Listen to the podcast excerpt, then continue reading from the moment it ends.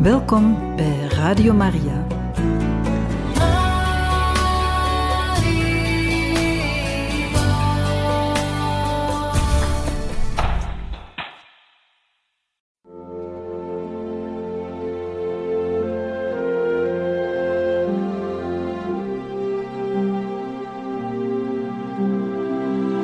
Beste luisteraars van Radio Maria, welkom bij het programma Catechismus.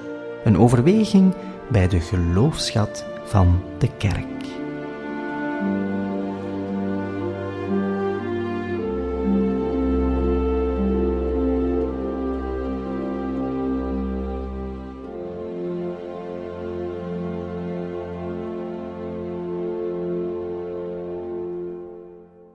Welkom beste luisteraars van Radio Maria in onze vijfde aflevering van de catechese-uitzendingen over het testament van Jezus.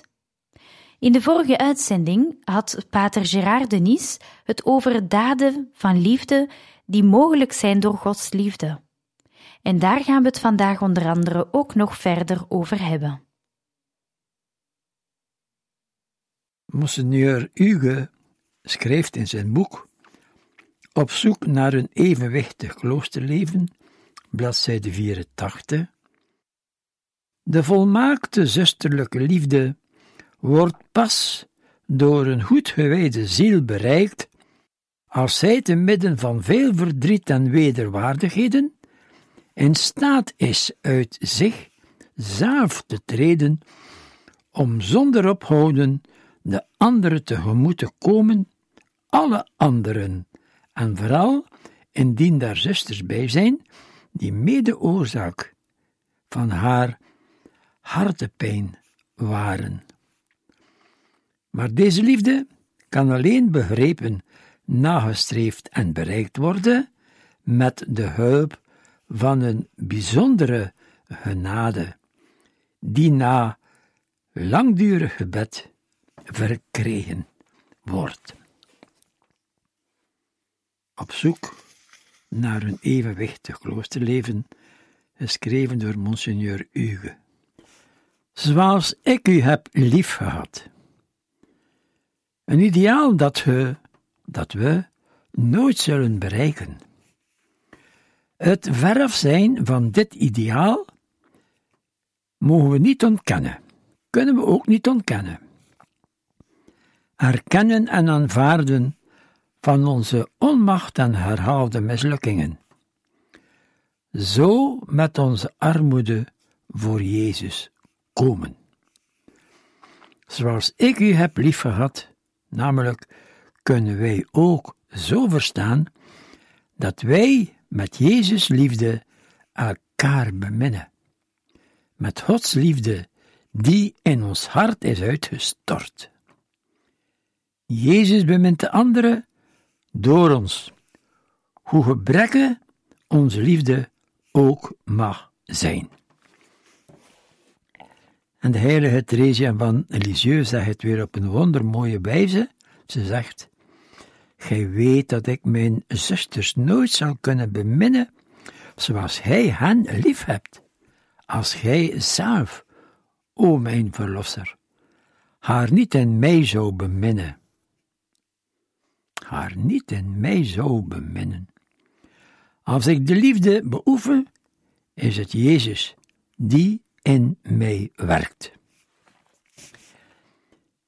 In het gebed die liefde van Jezus beschouwen, zich laten raken door Zijn liefde, ons hart meer en meer laten vullen door Jezus' geest, de geest van de liefde. Dit vooral in de Eucharistie, die een deelname is aan Jezus' levensoffer, het bewijs van zijn liefde tot het uiterste toe. En dit is wat onze regel van onze congregatie zegt. Gods liefde, mens geworden in Jezus, beschouwen en beleven beschouwen, in gebed naar Jezus liefde opzien en beleven, erin geloven zich laten vervullen met Zijn liefde, Zijn liefde doorgeven. Ik ben de weg, de waarheid en het leven. We hadden het eerst over de verheerlijking van Jezus. Daarna, ik ga heen om u een plaats te bereiden. Ik kom terug om u op te nemen bij mij. De eerste, het eerste troostwoord was de verheerlijking. Het tweede troostwoord was: Ik ga heen om u een plaats voor te bereiden en ik kom terug om u op te nemen bij mij. Ten derde, Jezus zal de achterblijvenden een parakleet zenden.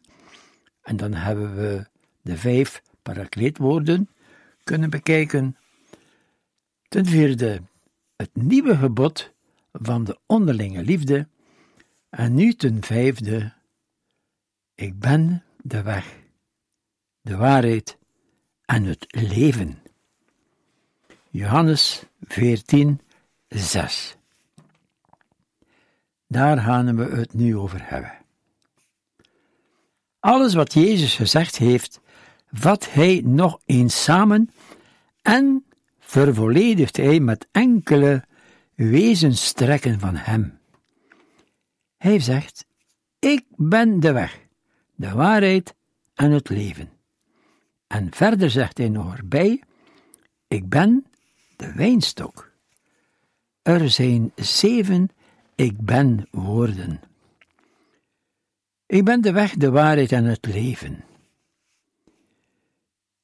We geven de uitleg van de tekst vanuit de context, volgens de La Poterie in het tijdschrift Emmaus. Ik ben. Woord van Jezus met een dubbele resonantie. Gewoon, ik ben is een identificatieformule. Bijvoorbeeld de goede herder. Maar de diepere betekenis is al bekend van in het Oude Testament. In het Oude Testament roept ik ben de heiligheid en de transcendentie op van God. En in de bond van Jezus betekent dat hij laat hier op geheimzinnige wijze iets doorschemeren van zijn diepste mysterie en openbaart enigermate zijn transcendentie. De oudere exegese legde het zo uit.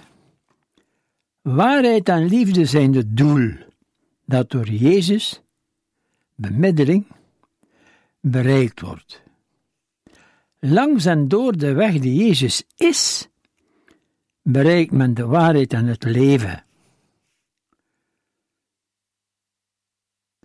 De moderne exegese heeft nog een andere uitleg. Het sleutelwoord is hier de weg. De weg is het sleutelwoord. Waarheid en leven zijn slechts de verklaring van de weg.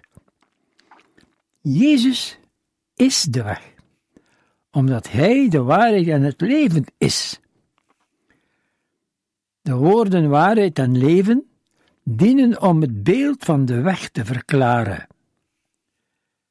En de uitspraak ik ben de weg betekent niet dat Jezus de weg naar de waarheid is, maar dat Hij de waarheid is naar de Vader, omdat Hij de waarheid en het leven is.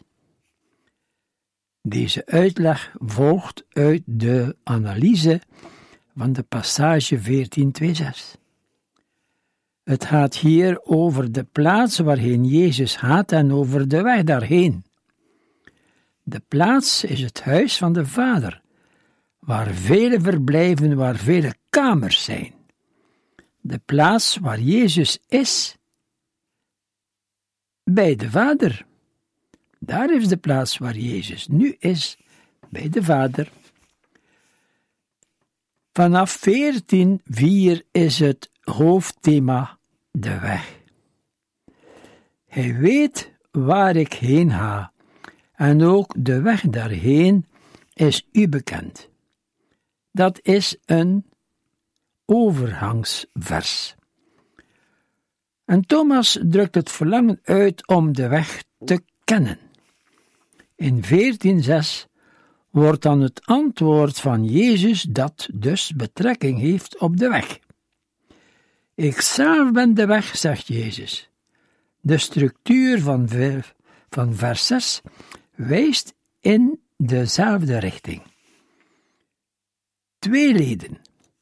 Positief, ik ben de weg.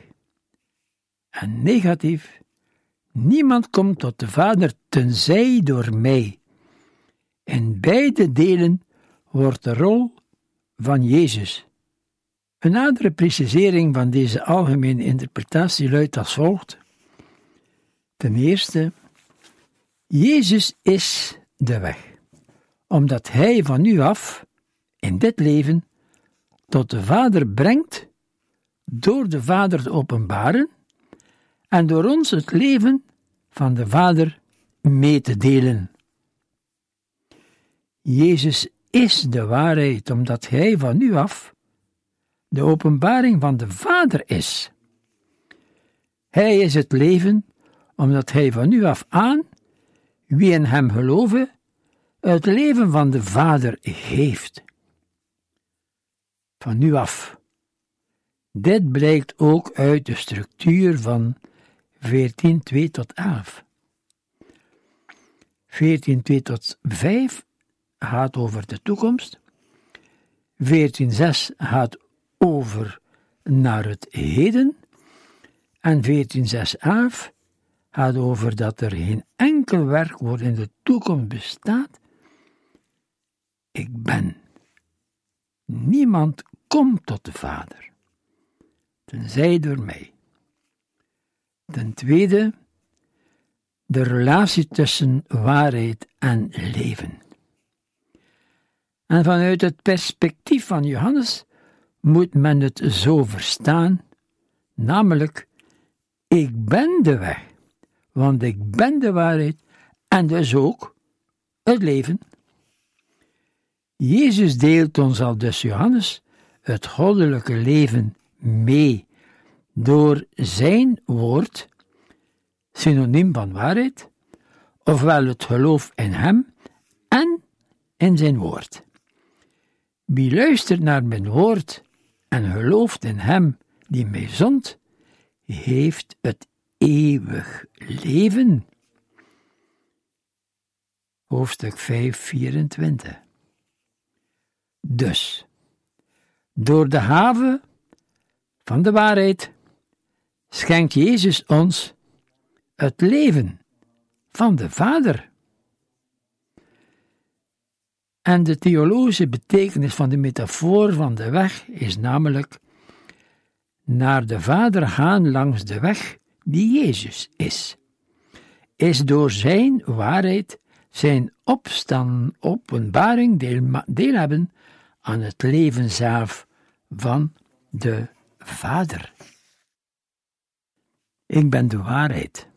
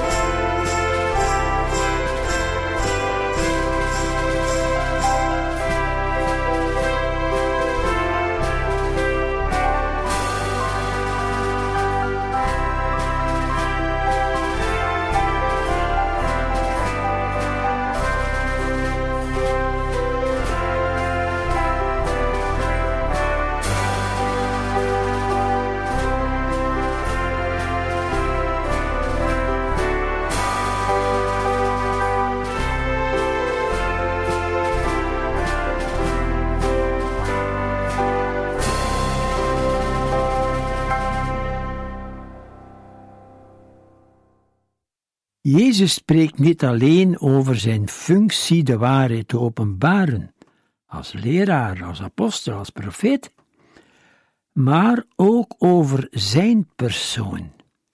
Ik ben de waarheid. Hij identificeert zich met de waarheid. Hij is zelf de volheid van de openbaring. In zijn persoon is hij de totale definitieve openbaring van de waarheid, van de Vader.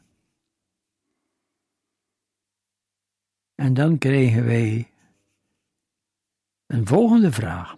Hoe kan Jezus in zijn persoon de totale openbaring van God zijn? Die mogelijkheid wortelt in zijn eigen persoonlijkheid en de pre-existente relatie die er bestaat tussen de Vader en de Zoon in de schoot van de drieënheid. We vinden dit in 14, 7 tot 11. 7. Door de kennis van de Zoon komt men tot de kennis van de Vader. 8. Filippus heeft Jezus niet begrepen. Hij wil de Vader zien met lichamelijke ogen. Van 9 tot 11. Men kan de Vader in de Zoon zien, omdat de Vader in de Zoon is, intercommunicatie. Maar om in Jezus de Vader te zien, om in Jezus de Vader te zien, moet men niet alleen zien met de ogen van het lichaam, maar met de ogen van het geloof. Men moet in de mens Jezus de Zoon van God zien en in de Zoon de Vader. Als ze mij ziet, zei Jezus, dan ziet ze toch de Vader. Ik ben de weg. Even een verder bezinning op ik ben de weg vanuit het Oude Testament. Heel de schrift is het verhaal van de weg. Van in den beginnen gingen de mensen verkeerde wegen. Ieder vlees bedierf de weg. Staat in Genesis. God besluit dan zelf de weg te wijzen. Hij doet dit door Abraham uit te kiezen, hij en zijn zonen, zich door een rechtschapen leven zich door een rechtschapen leven, zij zouden houden aan de weg van God. Genesis 18:19. Er is dus van in den beginnen een weg van God en een weg van de mensen. De weg van God staat zo ver boven de weg van de mens, als de hemel staat boven de aarde. Jesaja 55, 9. De mensen moeten leren zich aan de weg van God te houden en hun eigen weg naar die van God te richten, zegt Jesaja 2:3. Hoe dat gebeurt, verhaalt het sleutelverhaal van Hans de Schrift, het verhaal van de uittocht. De eeuwige voert zich zijn volk weg uit het slavenhuis en wijst hen de weg naar een nieuwe toekomst. Overdag in een wolkolom en s'nachts in een vuurzeil, een vuurzuil. Waar de zee die tocht naar de vrijheid blokkeert, baant God zich een weg door de zee. Yahweh zelf is dus voor zijn volk de weg. En voor die nomade stammen had het begrip weg de betekenis van 1. Veiligheid, 2. Geborgenheid. De weg bracht hen veilig thuis. Yahweh was voor het zwervende volk geborgenheid en veiligheid. Hij brengt hen thuis. En in Deuteronomium 1, 30, 33 lezen wij. Yahweh, uw God, gaat voor u uit. Hij zal zelf voor u strijden, juist zoals hij dat in Egypte voor uw eigen ogen heeft gedaan. En in de woestijn, waar hij ervaren hebt, hoe Yahweh uw God u gedragen heeft. U gedragen heeft. Zoals iemand zijn zoon draagt. Heel de lange tocht tot hiertoe. Maar ondanks, maar desondanks, hebt gij geen vertrouwen gesteld in Yahweh, uw God. In hem die onderweg voor u uitging, op zoek naar een legerplaats. S'nachts in de vuurgloed, om u de weg te wijzen die hij moest gaan, en overdag in een wolk. Deuteronomium 1, 30, 33. Jezus zal doen wat Yahweh vroeger deed voor zijn volk. Zelf een legerplaats opzoeken voor hen. Zoals Yahweh voor zijn volk uitging om voor hen een veilige plaats te zoeken, zo gaat Jezus voor de zijnen uit om hen een plaats te bereiden waar het goed is te wonen. Ik ga heen om u een plaats te bereiden. Eerst was de wegwijzer een vuurzuil en een wolkkolom. Later wordt dat de ark van het verbond met de tafels van de wet. En de wet zelf, de Torah, zal de weg worden. De weg, de Torah, is een verbondsakte, een nauw en afgebakend pad. De Torah is een wegwijzer, een leefregel, het kompas voor de wereld. De Torah is een weg die ons draagt. De weg van Yahweh, de goede en rechte weg, in eindeloze variaties bezongen, dat is, doen wat God zelf gedaan heeft, in zijn voetsporen gaan.